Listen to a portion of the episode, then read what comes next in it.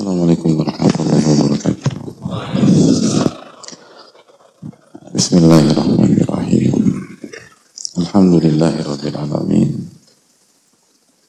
نحمده ونستعينه ونستغفره ونعوذ بالله من شرور أنفسنا ومن سيئات أعمالنا. من يهده الله فلا مضل له ومن يضلل فلا هادي له. نشهد أن لا إله إلا الله وحده لا شريك له وأن محمدا عبده ورسوله. يا أيها الذين آمنوا اتقوا الله حق تقاته ولا تموتن إلا وأنتم مسلمون. يا أيها الناس اتقوا ربكم الذي خلقكم من نفس واحدة وخلق منها زوجها وبث منهما رجالا كثيرا ونساء. واتقوا الله الذي تساءلون به والأرحم إن الله كان عليكم رقيبا. يا أيها الذين آمنوا اتقوا الله وقولوا قولا سديدا. يصلح لكم أعمالكم ويغفر لكم ذنوبكم. ومن يطع الله ورسوله فقد فاز فوزا عظيما. Hadirin yang Allah muliakan, Alhamdulillah kita panjatkan puji dan syukur kita kepada Allah Tabaraka wa Ta'ala atas nikmat yang Allah berikan kepada kita sebagaimana salawat dan salam semoga senantiasa tercurahkan kepada Rasulullah alaihi salatu wassalam beserta para keluarga, para sahabat dan orang-orang yang istiqomah berjalan di bawah naungan sunnah beliau sampai hari kiamat kelak. Hadirin yang Allah muliakan. Nabi kita alaihi salatu wassalam menyampaikan kepada kita sebuah hadis yang harus kita angkat pada kesempatan kali ini. Karena jarak antara kita dengan apa yang terdapat dalam hadis tersebut hanya beberapa saat lagi. Beliau sallallahu alaihi wasallam bersabda, "Ma min ayyam al-amalu salihu fihin ahabbu ila Allah min hadhil ayyamil ashar." Tidak ada satupun hari di mana amal soleh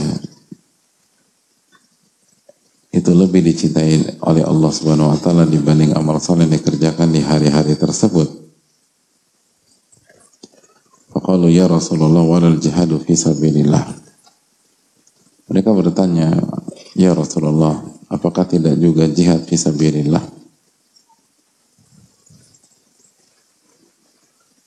Lalu Nabi SAW bersabda, "Walal jihad fi sabilillah." Tidak juga jihad fi sabilillah.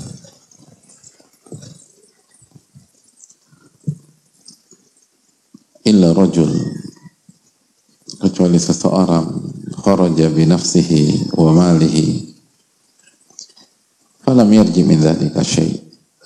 Kecuali seseorang yang keluar membawa jiwa dan hartanya dan dia tidak pernah kembali lagi ke rumahnya sedikit pun juga. Hadis Tirmidzi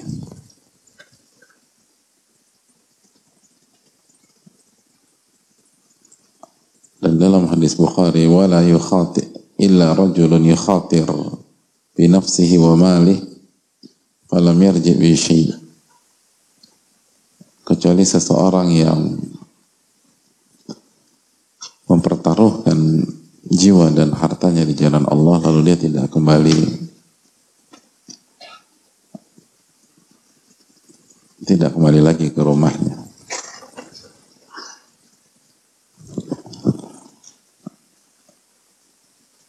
Hadirin yang Allah muliakan kita dengan 10 hari itu hanya tinggal beberapa saat lagi. Sekarang hari keberapa hadirin? 28 berarti malam ini 29 dan besok malam Ru'yatul Hilal maka kalau tidak hari Senin hari Selasa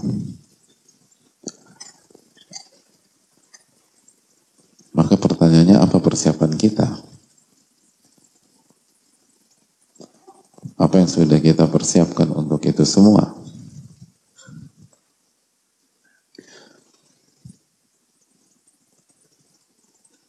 Apa yang sudah kita lakukan? Kita semua sepakat, semua butuh persiapan. Dan sudah kita sebenarnya sudah kita sampaikan hal ini di majelis-majelis kita sebelumnya. Dan majelis ini semakin harus kita tekankan karena kita nggak punya waktu lagi.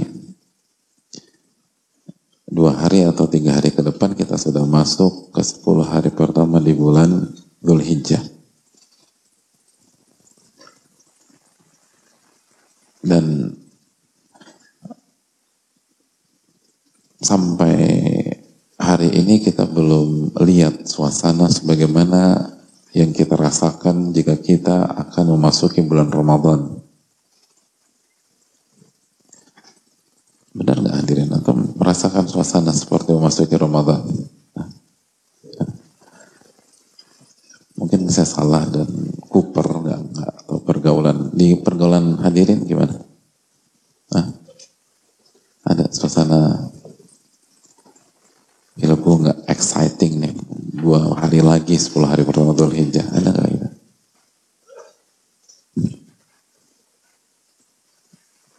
hadirin. Lemas banget sih. Jangan jangan masyarakat umum antum aja nggak semangat gitu. Lemes gitu lesu. Nah, puasa semua nih hari ini. Gimana? Kita ngerasakan suasana di seperti kita masuk Ramadan apa tidak?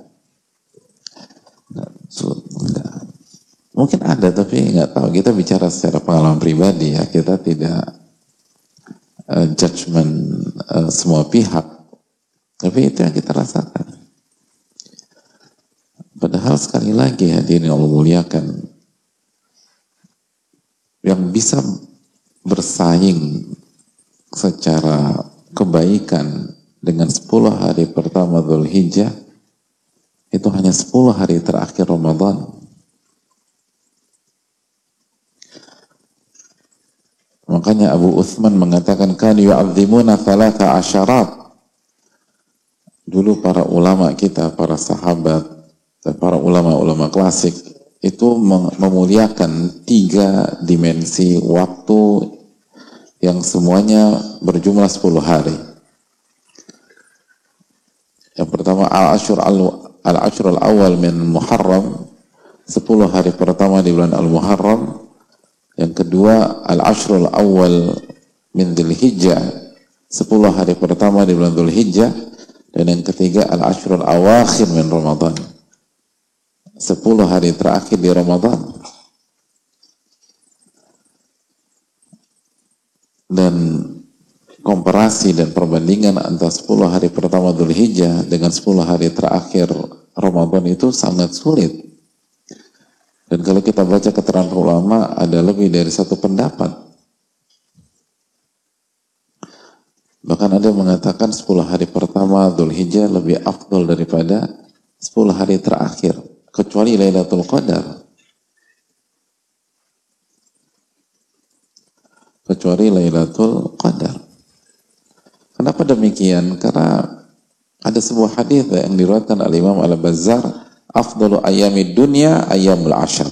Sebaik-baik hari di dunia 10 hari pertama Dhul Hijjah. Hadis riwayatkan Imam Al-Bazzar dan dihasankan Syarbani rahimahullah taala. Maka nggak heran para ulama menduduk mendudukan masalah ini itu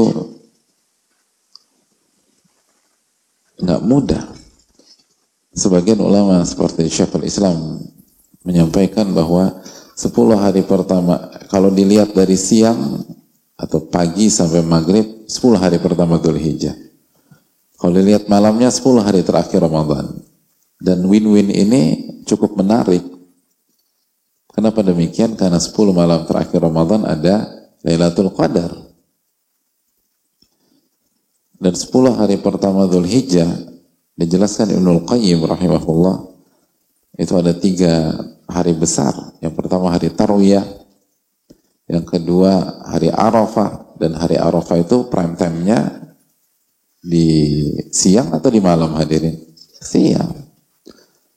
Dan yang ketiga Yomun Nahar Idul Adha. Dan prime time Idul Adha siang. Karena Nabi SAW menyelesaikan seluruh amalan haji dari pagi sampai zuhur. Siang. Walaupun kita tahu dalam ilmu fikih bisa dilanjutkan sampai waktu berikutnya, tapi yang Nabi kerjakan itu siang. Jadi win-win seperti ini sangat sangat beralasan. Karena cukup pelik dalam memahami dua hal ini.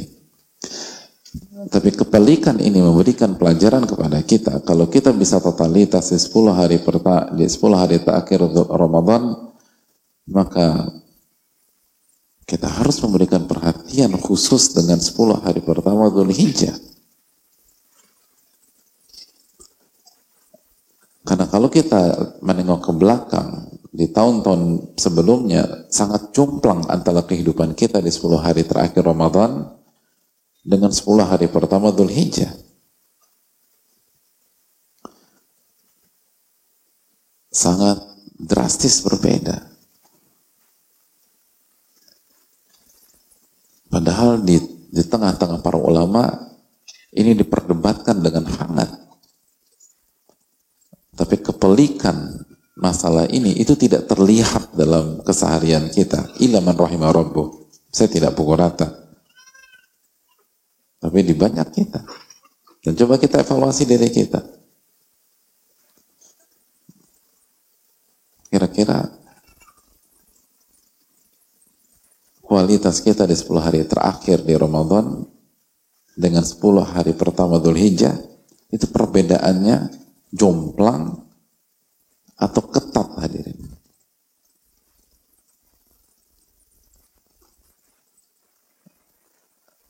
jomplang atau ketat? Alhamdulillah kalau anak ketat Pak Ustaz. Ya. Karena sama-sama nggak semangat. Ketat. Jadi ketatnya lambat. Gitu. 10 hari akhir Ramadan nggak semangat, 10 hari pertama Dhul Hijjah nggak semangat. Bagi aku tuh nggak ada bedanya. Aku sih nggak beda-bedakan Pak Ustadz. Gitu. Sama-sama berantakan. Jadi Dua-duanya berantakan. Tapi kalau kita benar-benar totalitas di 10 hari terakhir Ramadan, mana totalitas 10 hari pertama Dhul Hijjah? Dan itu yang dilakukan para ulama. Said bin Jubair ketika memasuki 10 hari pertama di bulan Dhul Hijjah, ijtahada ijtihadan syadida. Beliau habis-habisan di 10 hari pertama di bulan Dhul Hijjah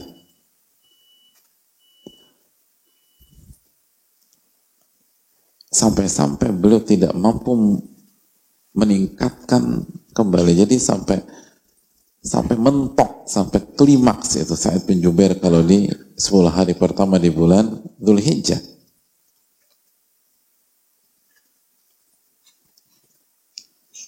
Dan Said bin Jubair nama besar murid dari Abdullah bin Abbas radhiyallahu taala anhuma.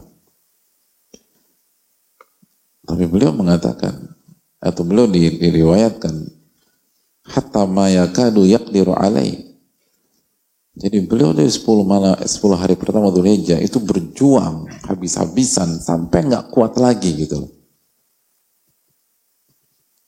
Sampai nggak kuat lagi. Sampai klimaksnya beliau gitu. Jadi kalau mungkin kita ini kalau kalau Qiyamul tuh sampai goyang misalnya gitu. Sampai udah enggak.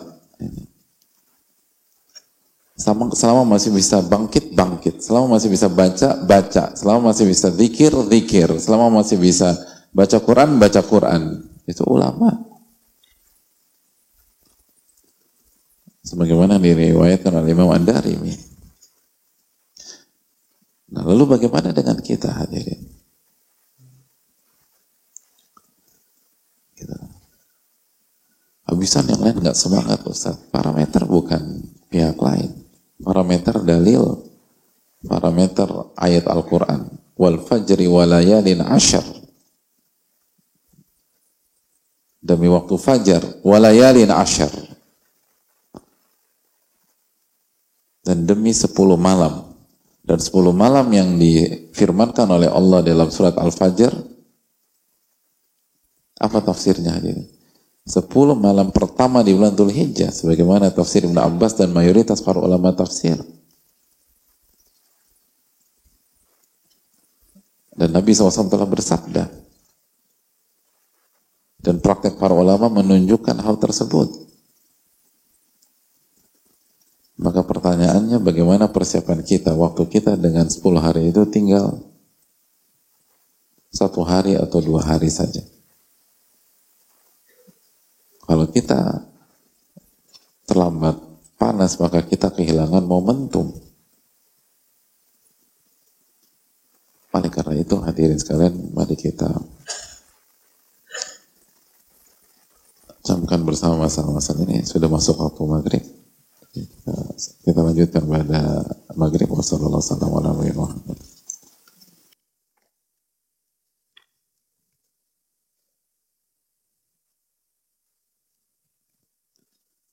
السلام عليكم ورحمة الله وبركاته بسم الله الرحمن الرحيم الحمد لله رب العالمين والصلاة والسلام على أشرف الأنبياء sahbihi wa man sara wa man sara ala nahjihi bi ihsanin ila yaumil wa ba'd.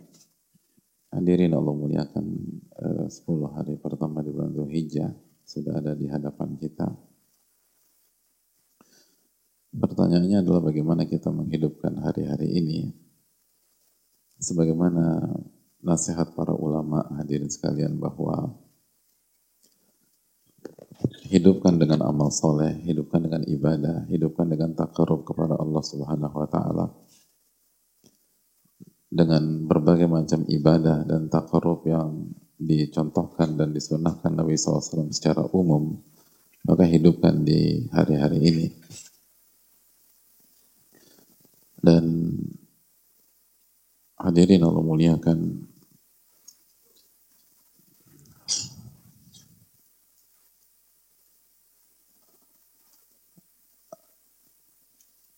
di antara amal ibadah tersebut adalah prioritaskan amalan wajib sebagaimana yang dijelaskan oleh uh, para ulama. Ma min ayyam al-amalu salihu fihinna ahabu ilaih Ah, mohon maaf uh, wa ma taqarraba ilayya 'abdi bi syai'in ahabbu ilayya mimma aftaratu alaih tidak ada satupun amalan yang dilakukan oleh hambaku dalam rangka bertakarub kepada diriku yang lebih aku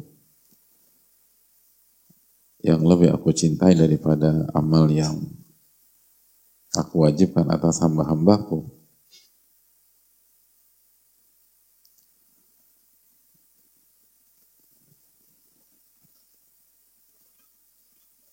Jadi nggak ada amalan yang dikerjakan oleh hamba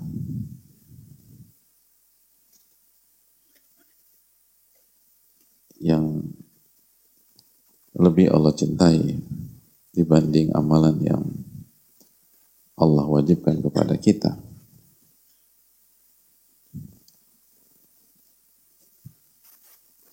Ini menunjukkan bahwa amalan wajib itu diprioritaskan di 10 hari pertama di bulan Dhul Hijjah. Jaga sholat lima waktu hadirin. Bahkan sebagian ulama mengatakan kodoklah puasa Ramadan yang belum selesai di di hari-hari ini. Lalu juga ulama mendidik kita untuk mengerjakan amal wajib yang lain, biru walidain. Tekankan di hari-hari ini. Ini semua amalan wajib dan tentu saja mentauhidkan Allah tabaraka wa taala amalan wajib yang paling wajib itu lebih lebih tinggi di di hari-hari ini. Suami menafkahi istri istri taat kepada suami.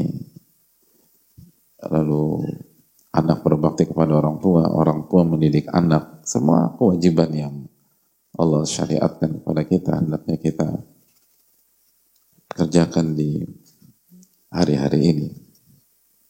Atau hari-hari di 10 hari pertama di bulan Dhul Hijjah. Lalu di antara amalan ibadah lain adalah tentu saja puasa. Dan kita tahu dalam hadis yang disampaikan oleh istri-istri Nabi SAW bahwa Nabi SAW berpuasa di 9 hari pertama di bulan Dhul Hijjah. Maka 9 hari ini adalah hari yang bisa kita gunakan untuk berpuasa Barang siapa yang bisa puasa 9 hari, puasa 9 hari. Barang siapa yang bisa puasa 8 hari, puasa 8 hari. Barang siapa yang bisa berpuasa 7 hari, 7 hari. Kalau nggak bisa 6 hari, kalau nggak bisa 5 hari, kalau nggak bisa 4 hari, kalau nggak bisa 2 hari. Kalau nggak bisa juga berpuasalah tanggal 9 Dhul Hijjah. Karena puasa di 9 hari, eh, di tanggal 9 Dhul Hijjah menghapuskan dosa setahun yang ke belakang dan setahun yang akan datang bagi yang tidak haji pada tahun ini, maka hendaknya dia berpuasa di tanggal 9 Dhul Hijjah, sebagaimana yang sudah diketahui bersama. Jadi jangan lepaskan momen ini untuk uh, santai, untuk ini. Kalau kita bisa puasa-puasa, kecuali ada udur, kecuali ada keterbatasan, kecuali ada kondisi, kecuali ada amalan yang lebih tinggi dan lebih besar daripada itu, tapi maksimalkanlah puasa di hari-hari ini. Dan kalau kita nggak bisa puasa, kasih makan orang berbuka hadirin. Sebagaimana kita sudah pelajari bersama-sama bahwa manfaat rasa iman barang saya memberikan makan berbuka kepada orang yang berpuasa, maka dia akan mendapatkan pahala puasa orang tersebut. Jadi kalau sekali kalau kita tidak bisa berpuasa, maka kasih makan orang yang berpuasa. Kalau bisa berpuasa berarti nggak usah kasih makan. Ya justru kasih makan juga. Kita dapat dua pahala dalam satu hari. Atau tiga pahala dalam satu hari. Atau empat pahala dalam satu hari. Lima pahala dalam satu hari. Sesuai dengan orang yang kita berikan makan. Ini adalah hal yang paling, ini yang hal yang sangat penting untuk kita camkan. Lalu di antara uh, amalan yang hendaknya kita tekankan dalam masalah ini adalah uh, perbanyak doa hadirin sekalian. Sebagaimana uh, studi komprehensif atau studi hasil studinya Ibnu Qayyim rahimahullah taala wa kana sallallahu alaihi wasallam yukthiru doa fi ashri dzil hijjah Nabi SAW itu memperbanyak doa di 10 hari pertama di bulan Dhul Hijjah. Nabi SAW memperbanyak doa di 10 hari pertama di bulan Hijjah dan itu tidak mengejutkan bukan ke tanggal 9 hari Arafah. Belum lagi jika ada yang umrah tamattu atau umrah kiran maka mereka berdoa. Jadi memang hari-hari ini hari-hari doa jemaah sekalian. Jadi berdoalah kepada Allah tabaraka wa taala. Lalu di antara amalan yang hendaknya kita tekankan dan ini hal yang sangat penting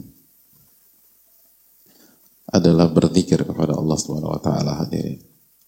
Bertakbir kepada Allah Subhanahu wa taala.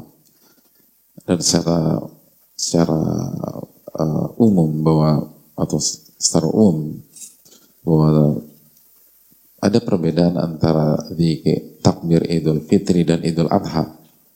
Kalau Idul Fitri kita tahu bersama-sama dimulai dari malam takbiran sampai uh, sholat, tapi Idul Adha tidak.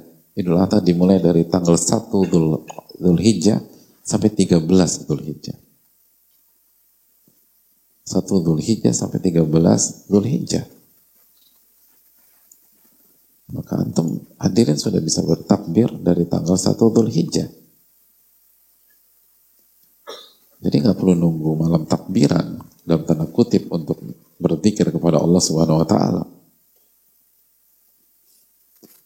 Dan hadirin Allah muliakan. Dan Allah menjelaskan buat takbir di dalam uh, se, se, se, bukan 10 bahkan 13 hari pertama di bulan Hijjah itu terbagi menjadi dua Yang pertama takbir mutlak, takbir kapan saja dan di mana saja. Itu dimulai dari tanggal 1 Dhul Hijjah sampai 13 Dhul Hijjah, maghrib. Dan yang kedua takbir muqayyad. Takbir muqayyad adalah takbir setelah sholat wajib. Dan waktunya adalah dari kapan? Dari ba'da sholat subuh hari Arafah sampai ba'da sholat asar hari ke-13. Sehingga dari hari Arafah sampai tanggal 13 berkumpul dua takbir. Takbir bebas kapan saja di mana saja. Dan yang kedua takbir uh, ba'da salat. Salat habis salat subuh, habis salat zuhur, habis salat asar, salat maghrib, salat isya, habis salat uh, salat, salat subuh lagi terus sampai tanggal 13. Dan ini yang dipraktekkan oleh para ulama. Ibnu Umar hadirin dan Abu Hurairah itu di 10 hari pertama Dhul Hijjah yakhrujani ila suq fi ayamil ashar yukabbiran mereka secara khusus dan secara berencana itu datang ke pasar dengan tujuan bertakbir di pasar untuk mensosialisasikan takbir, untuk campaign takbir dan langsung dipraktekkan. Jadi masuk pasar takbir, Allahu Akbar, Allah takbir. Lalu apa yang terjadi? Wa yukabbirun nasu bitakbirihima. Begitu melihat dua nama besar, Ibnu Umar dan Abu Hurairah, dua nama besar hadirin. Itu bertakbir, maka manusia yang sedang beraktivitas di pasar bertakbir mengikuti takbir mereka. Bertakbir. Jadi hadirin Allah muliakan, bertakbir. Begitu juga dengan Umar bin Khattab diriwayatkan. Ini waktunya bertakbir. Jadi dari tanggal 1 sampai tanggal 13 perbanyak takbir hadir. Perbanyak berzikir. Perbanyak berzikir. Allah SWT berfirman surat Al-Hajj ayat 28. Wa yadhkuru fi ayamin ma'lumat. agar mereka mengingat Allah, berzikir, bertakbir di 10 hari yang telah diketahui. Apa tafsir 10 hari yang telah diketahui? Ibnu Abbas mengatakan 10 hari pertama Dhul Hijjah. 10 hari pertama di bulan Dhul Hijjah.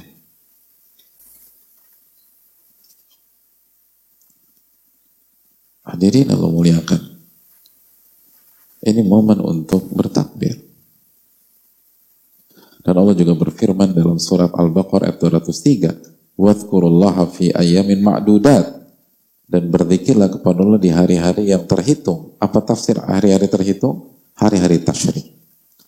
Maka apabila surat Al-Hajj ayat 28 dan surat Al-Baqarah 203 digabungkan, maka ini perintah bertakbir dari kapan sampai kapan? Tanggal 1 sampai tanggal 13. Dan Nabi SAW juga bersabda tentang hari-hari tasyrik 11, 12, 13. Ayamu aklin wa syurbin wa.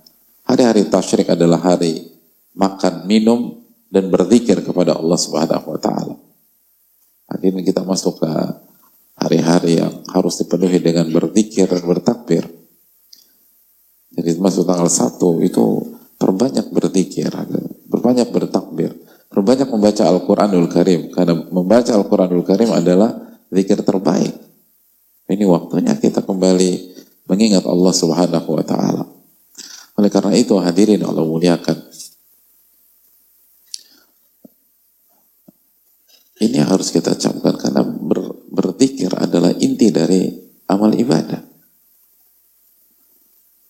Inti dari amal ibadah. Makanya apa kata Allah dalam surat Toha tentang tujuan dari sholat? Wa aqimis sholata li. Dan tegakkan sholat untuk apa? Untuk mengingatku. Tegakkan sholat untuk mengingatku. Sholat itu disyariatkan untuk mengingat Allah Subhanahu wa taala.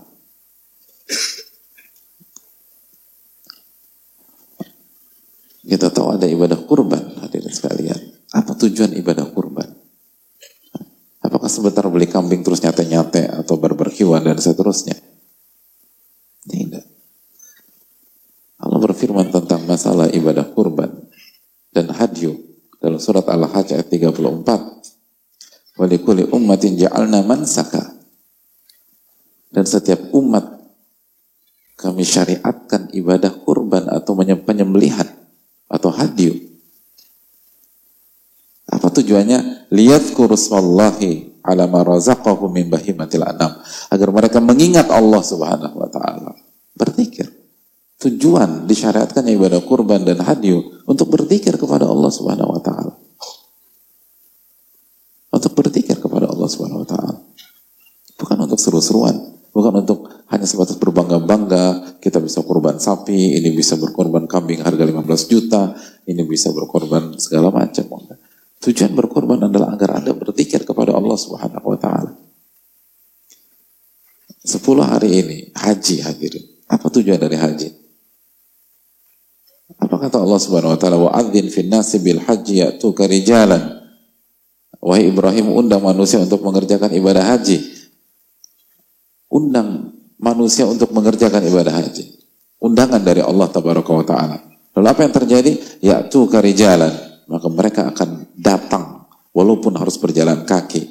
Wa ala kulli dhamirin dan mereka akan datang walaupun naik unta yang kurus, yang nggak proper yang orang nggak berpikir itu bisa jadi alat transportasi. Tapi bagi orang-orang beriman, kalau hanya hanya kalau hanya ada onta untuk sarana transportasi mereka mereka akan berangkat dengan onta. Walaupun ontanya kurus, nggak proper, nggak meyakinkan. Tapi kalau itu yang ada, mereka akan berangkat. Ya tina min kulli fajin amik. Mereka datang dari sejuru penduduk dunia yang jauh. Apa tujuan mereka datang jemaah? Coba buka ayat berikutnya, ayat ke-28 liyashhadu manafi'alahu untuk menyaksikan manfaat-manfaat yang Allah akan berikan kepada mereka. Lalu berikutnya, wa yadhkurusmallahi fi ayamin ma'lumat dan agar mereka berzikir kepada Allah Subhanahu wa taala di 10 hari pertama Dhul Hijjah. Jadi tujuan pensyaratan haji berzikir kepada Allah Subhanahu wa taala. Bukan keren-kerenan. Bukan pamer-pameran, bukan show of force. Bayangkan dua ibadah yang paling terkenal di 10 hari pertama Dhul Hijjah. Dua ibadah syiar di 10 hari pertama Dhul Hijjah, haji dan kurban, dua-duanya untuk mengingat Allah Tabaraka wa Ta'ala. Mengingat Allah. Bukan membanggakan diri, bukan memperlakukan kita orang kaya, kita hebat, kita bisa ini, kita bisa itu. Bukan. Untuk mengingat Allah dan berzikir kepada Allah Subhanahu wa Ta'ala. Oleh karena itu hadir, kalau benar-benar 10 hari pertama Dhul Hijjah ini kita amalkan, kita pahami esensinya, kita kita hidupkan, maka 10 hari pertama Dzulhijjah adalah hari yang paling indah dalam satu tahun dan hanya bisa disaingi oleh 10 hari pertama, eh 10 hari terakhir Ramadan. Kita akan memiliki kehidupan di 10 hari pertama Dzulhijjah ini, kehidupan. Mungkin kita nggak punya uang, tapi kita punya kehidupan. Mungkin kita lagi susah secara finansial, tapi kita punya kehidupan. Hidup kita tuh hidup. Kenapa demikian? Karena Nabi kita SAW bersabda dalam hadis Bukhari, "Matalul ladzi yadhkuru rabbahu wal ladzi la yadhkuru rabbahu." Perumpamaan antara orang yang mengingat Allah, berzikir kepada Allah dan orang yang tidak berzikir kepada Allah dan tidak mengingat Allah Subhanahu wa taala. Matalul hayy wal mayyit. Perumpamaannya simpel kata Nabi. Enggak usah ribet-ribet. Seperti orang hidup dan orang mati. Orang hidup dan orang mati. Anda punya apa pun, Anda punya perusahaan, Anda punya anda punya uh, properti, Anda punya tanah di mana, Anda punya rumah di sini. Anda nggak berzikir, mati Anda. Dan kalau usah yang mengatakan bukan ustadz, bukan kiai, bukan habaib, bukan ulama yang mengatakan Rasul Anda Shallallahu Alaihi Wasallam. Kata Nabi simpel mati. Orang mati, duit itu guna nggak ada, nggak guna. Sama orang yang berzikir, uangnya tidak bisa membahagiakan dia, nggak ada gunanya. Orang mati itu kekuasaannya berguna nggak? Nggak berguna. Sama. Orang mati, kecantikan, ketampanannya berguna apa tidak? Nggak berguna. Sama. Orang yang berzikir dan mengingat Allah Subhanahu Wa Taala, mau tampan ke mau cantik, nggak ada gunanya. Dia nggak akan bahagia. Nggak akan bahagia. Bahkan bisa jadi ketampanan dan kecantikan dinikmati orang lain. Dia nggak menikmati ketampanan kecantikan. Hartanya dinikmati orang lain. Dia nggak menikmati hartanya. Ini firman, ini sabda Nabi SAW. Perumpamaan antara orang yang berzikir Dan orang yang tidak berzikir seperti orang hidup dan orang mati. Mati kata Nabi SAW. Mati. Nggak usah bicara macam, nggak usah. Nabi SAW membahasakan simpel hadir, simpel, mati. Udah nggak bicara musibah, disambar petir, masih penting masih ada harapan hidup mungkin. Atau ketabrakan, kecelakaan, jatuh dari lantai ke 25, mungkin patah-patah masih bisa hidup. Tapi mati, selesai hadir, selesai. Anda mau hidup 100 tahun, tapi 100 tahun itu mati, kata Nabi Anda. Alaihi salatu wassalam. Apa, apa artinya hidup seperti itu? 10 hari ini, kalau benar-benar kita jalankan, kita punya, kita akan mengerti esensi kehidupan. Kita akan mengerti hakikat kehidupan. Dan kita akan mendapatkan ketenangan batin. Walaupun mungkin kita nggak mampu berkorban. Mungkin kita nggak mampu menunaikan ibadah haji. Bukan karena kita nggak mau, bukan karena kita hitung-hitungan, karena kita nggak mampu. Kita udah nabung, kita udah berjuang, tapi kita nggak bisa, kita nggak bisa mencapai uang untuk membeli hewan kurban atau bisa berangkat haji. Tapi kalau kita mengerti bahwa ini adalah sebuah dua syiar yang mengantarkan kita untuk berzikir kepada Allah dan untuk berzikir kepada Allah Subhanahu wa taala kita bisa menggunakan pintu lain gitu. Tidak harus dengan haji, kalau memang kita nggak mampu, tidak harus dengan berkorban. Jika kita tidak mampu, maka hadirin Allah muliakan, kita tetap mendapatkan kenikmatan dan keindahan di 10 hari pertama di bulan Hijjah. Karena inti atau ibadah inti dalam ini adalah mentauhidkan Allah, bertakbir dan berzikir kepada Allah Subhanahu wa taala. Sesuai dengan kemampuan kita masing-masing. Dan ini yang sering kali kita lupakan. Makanya walaupun kita berkurban, hidup kita nggak ada perubahan. Walaupun kita berubah tahun, hidup kita gitu-gitu aja. Nggak ada kebahagiaan, nggak ada penambahan iman, nggak ada penambahan ketakwaan. Kenapa? Karena kita berkurban secara zohir, tapi tidak tahu esensi. Tidak tahu apa inti dan apa tujuan dari hal tersebut. Padahal tujuannya sudah dijelaskan oleh Allah SWT dalam Al-Quran. Dalam Al-Quran disebutkan. Untuk berzikir kepada Allah. Lalu mana kita berzikir kepada Allah? Mana kita ingat Allah Wa Taala? Dan banyak di antara kita, kita nggak bicarakan orang lain, kita husnuzon sama orang lain. Tapi kita bicara diri kita. Kalaupun kita berzikir, apakah zikir kita masuk ke dalam hati kita? Apa zikir kita benar-benar kita resapi? Ketika Allah Subhanahu wa taala memerintah kita bertakbir di 10 hari pertama Dhul Hijjah. Allahu Akbar, Allahu Akbar, Allahu Akbar. Benarkah kita meyakini Allah yang maha besar? Benarkah kita benar-benar bersapi bahwa kita ini kerdil? Nafsu kita kerdil, emosi kita kerdil. Kepentingan pribadi kita rendah di hadapan Rabbul Alamin. Gak ada apa-apa kita ini.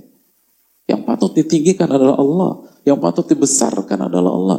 Yang patut diprioritaskan oleh Allah Subhanahu wa taala. Benarkah kita meresapi hal tersebut? Atau kita hanya dengan lisan? Lalu apa bedanya kita dengan munafikin? Apa bedanya kita dengan orang munafik? Benarkah kita bertakbir dengan mengagungkan Allah Tabaraka wa Ta'ala?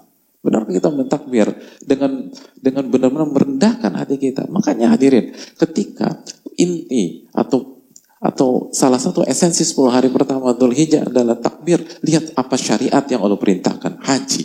Apa yang syariat yang Allah, syiar yang Allah perintahkan, berkurban. Orang tidak akan berkurban kalau dia merasa besar. Kalau orang merasa besar, dia bukan mau berkurban, dia minta dilayani. Kalau orang merasa besar, dia akan arogan. Kalau orang merasa besar, dia merasa orang itu harus harus berkhidmat sama dia.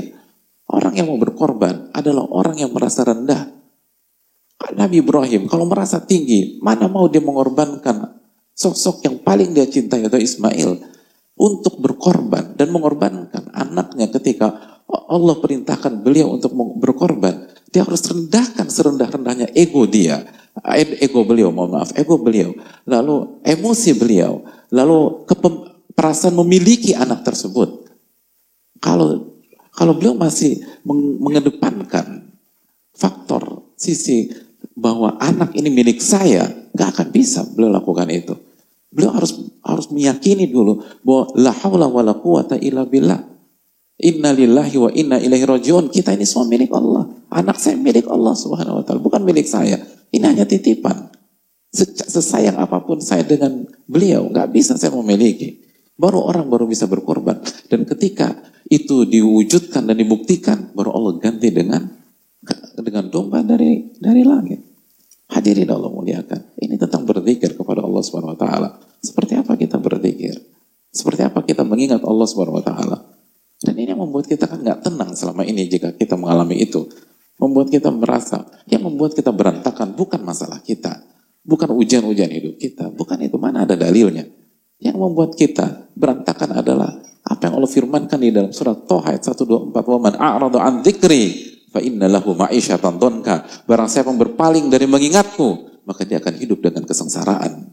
Wa nahsyuruhu yaumal qiyamati a'ma dan kami akan bangkitkan dia dalam keadaan buta. Qala rabbi lima hasyartani a'ma wa qad kuntu basira. Wahai Rabbku, kenapa engkau bangkitkan aku dalam kondisi buta? Bukan kepada saat waktu aku hidup di dunia aku bisa melihat. Qala kadzalika atatka ayatuna fanasitaha wa kadzalika al-yawma tunsa. Begitulah ketika ayat kami datang. Anda pura-pura tidak tahu. Anda melalaikan. Anda melupakan. Anda nggak punya awareness. Anda nggak punya perhatian. Dan begitu juga hari ini Anda dilupakan oleh Rabbul Alamin. Hadirin Allah muliakan. Ini masalah mengingat Allah. Ini masalah apakah kita menghadap kepada Rabbul Alamin atau kita menaruh ingatan itu di belakang di belakang punggung kita. Alam bidikrillahi tatmainul qulub. Ketahuilah dengan mengingat Allah hati menjadi tenang. Mengingat Allah hati menjadi tenang. Ar-Ra'at ayat 28. Ini kenapa kita galau? Kita nggak ingat sama Allah taala. Kita sibuk dengan A, sibuk dengan B, sibuk dengan C. Makanya Umar bin Umar bin Khattab diriwayatkan mengatakan, "Alaikum bidzikrillah fa innahu dawa." Anda harus ingat sama Allah. Karena itu obat. Wa iyyaka wa dzikran nas dan hati-hati dengan mengingat makhluk. Karena itu penyakit kata beliau. Itu yang dikatakan Ibnu Aun, dzikrun nasi da wa dzikrallahi bala. Dzikrun nasi da wa dzikrallahi dawa. Mengingat Allah adalah mengingat manusia adalah penyakit dan mengingat Allah adalah obatnya. Ini masalahnya hadirin sekalian. Dan kenapa kita sering kali nggak dapat esensi 10 hari pertama ini? Karena kita nggak berpikir. Dan kalau kita berpikir, kita nggak tahu hakikat pikir. Sudahkah kita sekali lagi benar-benar meresapi hakikat pikir tersebut? Minta orang yang berzikir, orang yang tenang hadirin sekalian. Orang yang tenang, orang yang bahagia. Orang yang mendapatkan sensasi yang luar biasa. Dan ini waktunya. Sepuluh hari pertama ini itu luar biasa jemaah. Sepuluh hari pertama itu luar biasa. Ini waktunya kita mengingat Allah luar biasa. Mengingat hidayah-hidayah Allah kepada kita. Makanya masih ingat firman Allah SWT dalam surat dalam surat uh, Al-Baqarah ayat 198 ketika Allah mengatakan faida faida afabtu min arafatin fadkurullaha indal mash'aril haram dan apabila kalian sudah selesai dan bertolak dari Arafah maka hendaknya kalian ke Musdalifah dan kalian mengingat Allah di Musdalifah lalu apa kata Allah wadhkuru kama hadakum. Dan ingatlah Allah sebagaimana Allah kasih hidayah buat kalian. Ingatlah Allah sebagaimana Allah kasih hidayah buat kalian. Wa in kuntum min qablihi laminadhdallin. Dan ingatlah dulu, kalian hidup gak jelas, kalian hidup sesat, kalian hidup gak punya arah, kalian hidup gak kenal Rob kalian, kalian hidup gak ngerti mana yang kebenaran, mana yang kebatilan, kalian hidup gak tahu mana surga, mana neraka. Lalu Allah kasih hidayah buat kalian. Allah suruh ingat itu. Wadkuru. Ingatlah Allah subhanahu wa ta'ala. Kama Sebagaimana Allah kasih hidayah buat kalian. Ini 10 hari luar biasa hadirin. 10 hari di mana kita ingat lagi hidayah-hidayah Allah kepada kita. Pada saat pertama kali kita sujud, pada saat pertama kali kita ruku, pada saat ibu-ibu atau wanita-wanita di belakang menutup auratnya, ketika menjaga kehormatannya, pada saat sebelumnya kita mengumbar, kita hinakan diri kita, kita lecehkan diri kita. Lalu Allah kasih hidayah, Allah angkat derajat kita, dan Allah memberikan kita kehormatan. Wadkuruhu kama. Ingatlah, sebagaimana Allah kasih hidayah buat kalian. Wa in kuntum min qablihi Dulu kalian itu siapa? Kalian nggak dianggap sama sekali.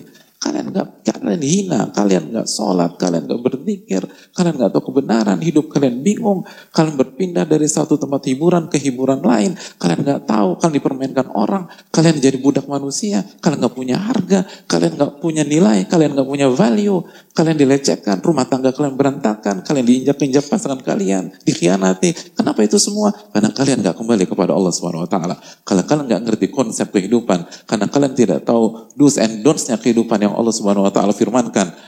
Lalu Allah kasih hidayah buat kalian. Allah kasih petunjuk buat kalian. Kalian tahu kalian diajak kajian melalui hamba Allah Subhanahu wa taala. Tiba-tiba ada tiba-tiba ada message masuk dari teman kita, sebuah kajian singkat atau sebuah kajian utuh, lalu kita putar, lalu kita tersentuh dalam dalam kajian tersebut, lalu kita menangis, lalu kita bersujud kepada Allah Subhanahu wa taala dan di situ hidayah menyapa, "Wadhkuruhu kama hadakum." Dan ingatlah Allah sebagaimana Allah kasih hidayah buat kalian. Ingatlah Allah Subhanahu wa taala. Allah kasih hidayah. Ini ini momen-momen besar jemaah. Ini 10 hari pertama Dzulhijjah.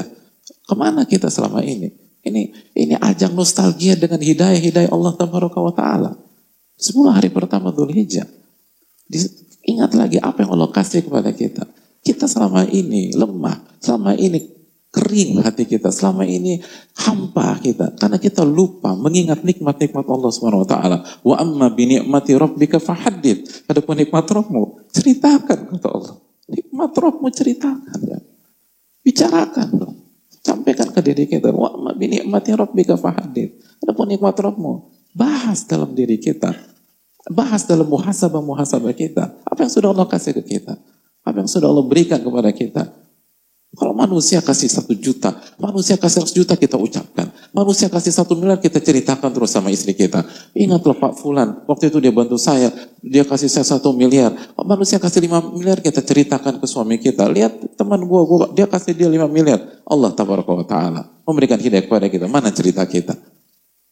Rakaat al-fajri khairun minad dunia wa ma fiha. Dua rakaat salat sunnah subuh itu lebih baik daripada dunia dan seisinya. Pernahkah kita terharu biru pada saat kita di waktu pagi berhasil melakukan salat sunnah qabliyah subuh.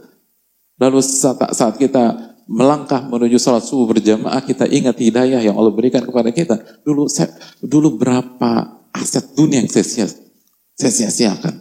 Saya nggak sholat, sholat qabliyah subuh. Kehilangan saya. Tapi habis itu Allah kasih hidayah kepada saya. Allah memberikan taufik kepada saya. Oleh karena itu hadirin, ini waktunya. Makanya pada saat pada saat perasaan itu merasuk ke dalam diri kita, maka kita berkorban dengan penuh penghayatan. Penghayatan. Berkorban itu bukan tentang sebatas kambing. Itu kita benar-benar mengorbankan dan dan dan bersyukur kepada Allah Subhanahu wa taala. Pada saat kita menyembelih bismillah Allahu akbar, itu ada perasaan kepuasan, ada kebahagiaan, ada ada ada rasa pengorbanan yang dibangun dalam rasa cinta dan itulah itulah berkorban jemaah sekalian. Ya Allah muliakan. Ini ini ini 10 hari luar biasa. Ini 10 hari yang mewah. Ini 10 hari yang harus kita syukuri. Allah kasih hidayah bagi kita. Mana yang lebih mahal daripada hidayah Allah Taala? Kata para ulama mengatakan la yata'allamu ahadun majana. Gak ada yang belajar gratisan. Apa maksudnya gak ada yang belajar gratisan? Gak ada orang belajar gratisan kata sebagian para ulama. Artinya banyak orang untuk meraih hidayah Allah, dia nggak cukup untuk datang ke masjid. Dia nggak cukup hanya untuk dengar ceramah. Gitu. Dia harus jatuh dulu, dia harus bayar dengan gagalnya bisnis. Ada yang orang harus bayar dengan rumah tangganya. Baru setelah rumah tangganya berantakan, dia baru ingat nasihat ustadznya. Dia baru ingat nasihat orang tuanya. Dia baru ingat nasihat sahabatnya. Oh ini yang ini yang membuat rumah tangga, rumah tangga saya berantakan. Dulu ustadz kasih tahu, dulu orang tua kasih tahu, dulu sahabat saya ngajak, saya nggak peduli. Saya baru ngerti sekarang, ya itu harga yang harus anda bayar karena hidayah itu mahal. Hidayah itu mahal hadir. Ada Maksudnya ada, banyak orang harus jatuh dulu untuk dapat hidayah. La ta'lamu ilmu majanan. Orang tuh nggak belajar gratisan. Jangan dipikir, jangan dipikir sebatas kita datang ke kajian, kita langsung bisa terapkan semuanya, belum tentu. Ada banyak orang datang kajian tapi tetap melakukan kemaksiatan, tetap melakukan kemungkaran, tetap melakukan dosa. Kapan dia berhenti? Begitu dia jatuh, lalu ketimpa tangga. Baru dia sadar, ya Allah benar ya. Dan akhirnya dia berubah. Hidayah mahal hadirin. Oleh karena itu ketika Allah berikan hidayah itu kepada kita. Yang Allah nggak berikan kepada Fir'aun. Padahal kita tahu Fir'aun seperti apa. Yang Allah nggak berikan kepada Namrud. Padahal kita tahu Namrud seperti apa. Yang Allah tidak berikan kepada Abu Lahab. Abu Lahab paman Rasul SAW. Allah nggak kasih hidayah itu. Lalu Allah kasih ke kita. Allah kasih ke hadirin sekalian. Siapa kita hadirin sekalian? Siapa kita? Nasab kita dengan nasabnya Abu Lahab itu siapa kita? Tapi Allah kasih hidayah kepada kita. Wadkuruhu kama hadakum. Dan ingatlah Allah sebagai Allah memberikan hidayah kepada kalian. Ini mahal jemaah sekalian. Ini mewah. Ini 10 hari pertama Dhul Hijjah. Ini hari-hari takbir, hari-hari tahlil, hari-hari tahmid. dan rasakan kenikmatan, rasakan kebahagiaan, rasakan sensasi. Makanya Syekhul Islam mengatakan inna fid dunya jannatan. Sesungguhnya di dunia ini ada surga. Barang siapa yang tidak masuk surga dunia, dia tidak akan masuk surga akhirat. Apa maksud surga dunia? Insyaallah sadar. Kelapangan dada. Karena mentauhidkan Allah. Karena mengingat Allah. Karena mengenal Allah wa ta'ala. Itu kenikmatan. Kalau kita nggak dapat ini, maka kita nggak akan masuk surga akhirat. Karena surga dunia surga satu paket. Rabbana atina fid dunia hasanah wa fil akhirati hasanah wa qina adzabannar. Kebaikan di dunia dan kebaikan di akhirat. Oleh karena itu jamaah yang Allah muliakan. 10 hari pertama Dhul Hijjah. Di tahun ini. Jadikan momentum. Jangan sampai kita ulang kesalahan kita di 10 hari pertama Dhul Hijjah di tahun yang lalu atau di tahun dua tahun yang lalu atau tiga tahun yang lalu. Ini momentum. Ini momentum seorang hamba kembali kepada Robnya. Seorang hamba kembali mengagungkan Robnya. Seorang hamba merasakan kerdilnya dia. Kecilnya dia. Rendahnya dia. Betapa pendosanya dia. Dan dia agungkan Robnya yang maha kaya. Yang maha pengasih. Yang maha penyayang. Yang maha penerima tobat. Itu hal yang paling penting. Oleh karena itu, 10 hari pertama Dhul Hijjah adalah 10 hari yang luar biasa. 10 hari yang powerful. Baik yang haji maupun yang tidak haji. Betul, nggak bisa disamakan antara di sini dan di sana. Haji adalah haji. Tapi bukan berarti yang nggak haji tidak mendapatkan keutamaan dan tidak mendapatkan sensasi sama sekali. Rahmat Allah luas hadirin sekalian. Rahmat Allah bukan hanya di Mekah, bukan hanya di Mina, bukan hanya di Musdalifah, bukan hanya di Arafah. Rahmat Allah ada di Jakarta, rahmat Allah ada di Bekasi, rahmat Allah ada di Jawa, rahmat Allah ada di Sumatera, rahmat Allah di Kalimantan, ada yang di Sulawesi, ada yang di Irian. Itu rahmat Allah Subhanahu wa taala. Dan itu baru satu. Satu bagian yang Allah turunkan ke dunia ini. Allahu Akbar. Bagaimana di surga? Bagaimana di hari kiamat nanti. Oleh karena itu hadirin yang Allah muliakan. Sepuluh hari pertama berhijab. Dan berkorbanlah. Usahakan berkorban hadirin. Usahakan berkorban. Semampu kita. Dan tabung hadirin. Perjuangkan korban kita ini tahun ini. Dalam rangka mengagungkan Allah subhanahu wa ta'ala. Tabung. Cari set job. Usahakan. Kalau kita nggak bisa haji, paling nggak berkorban lah. Jangan bilang nggak mampu. Jangan mengangkat merah putih hari ini. Coba dulu. Coba dulu. Kalau nggak bisa adin, kalau nggak bisa berkorban tanggal 10, masih ada tanggal 11, masih ada tanggal 12, masih ada tanggal 13. Bukankah harga kambing di tanggal 11 lebih murah daripada tanggal 10? Bukankah harga kambing di tanggal 13 lebih murah daripada tanggal 10? Jatuh harga kambing hadirin. Kenapa kita nggak berjuang? Kenapa kita langsung nyerah? Berjuang hadirin sekalian. Agungkan Allah Subhanahu wa taala. Jadi bagian dari perhelatan syiar di Zulhijjah 1444 Hijriah. Sehingga kita ketika kita wafat, kita dibangkitkan di, di hari kiamat nanti, kita tercatat orang yang mengagungkan Allah dan berkorban untuk Allah Taala. Dan itu justru seninya. Kenapa demikian? Karena ibadahnya berkorban. Perjuangkan dan berkorbanlah untuk menyembelih. Namanya juga hari raya berkorban. Gitu. Hari raya berkorban. Maka semakin orang berkorban untuk bisa menyembelih, maka semakin besar pahalanya dan akan mendapatkan sensasi yang luar biasa. Itu yang perlu kita camkan. Dan kalau bisa menyembelih sendiri, menyembelih sendiri. Beda hadirin. Beda kita sembelih sendiri, kita kita ucapkan bismillah, lalu kita bertakbir kepada Allah SWT dan kita benar-benar resapi bahwa ini dari saya. Apalagi kalau kita nabung berbulan-bulan, ya Allah ini dari saya dan dari keluarga saya. Oh itu luar biasa. Rugi kita lewatkan itu. Rugi buat kita. Maka coba. Dan gak ada kata terlambat yang belum pernah nyoba, coba tahun ini. Berkorbanlah. Sembeli sendiri. Nabi SAW, Nabi SAW waktu haji wada itu bawa 100 100 unta, 100 unta. Dan beliau exit apa beliau nahar sendiri 63 unta tangan beliau alaihi salatu wassalam. Beliau nabi, beliau rasul, beliau manusia terbaik, manusia yang paling berkelas. Sembeli. Lalu bagaimana dengan kita? Dan coba, kalau kita nggak pernah coba, nggak pernah berhasil. Dan nggak pernah bisa. Tapi deg-degan. Di situ seninya hadirin sekalian. Berarti kan antum harus berkorban dulu untuk bisa megang. Dan bertawakal kepada Allah Jalla wa'ala. Walaupun diwakilkan boleh. Tapi ini momentum jamaah. Ini Idul Adha. Ini 10 hari pertama Dhul Hijjah. Ini waktunya kita mengingat Allah, meninggikan Allah, mengagungkan Allah, dan merendahkan diri kita. Oleh karena itu semoga Allah kasih taufik kepada kita dan nikmati 10 hari ini dan rasakan kehidupan yang benar-benar hidup. Orang yang berzikir kepada Robnya dan orang yang tidak berzikir kepada Robnya itu seperti orang hidup, orang yang punya kehidupan dan orang mati. Mati dia hadir. Dan terkecoh. Jangan salah. Jangan salah definisi. Dan kita lebih percaya definisi Rasul kita SAW dibanding definisi pihak lain.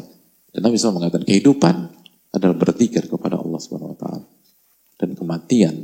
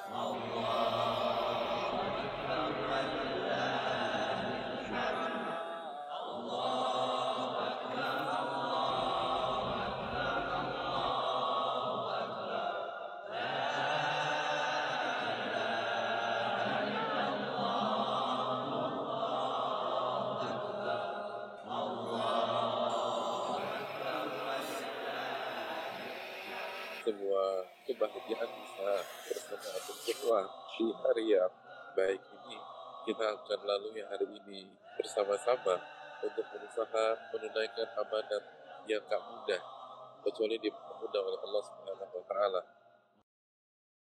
Allahu akbar Allahu akbar Allah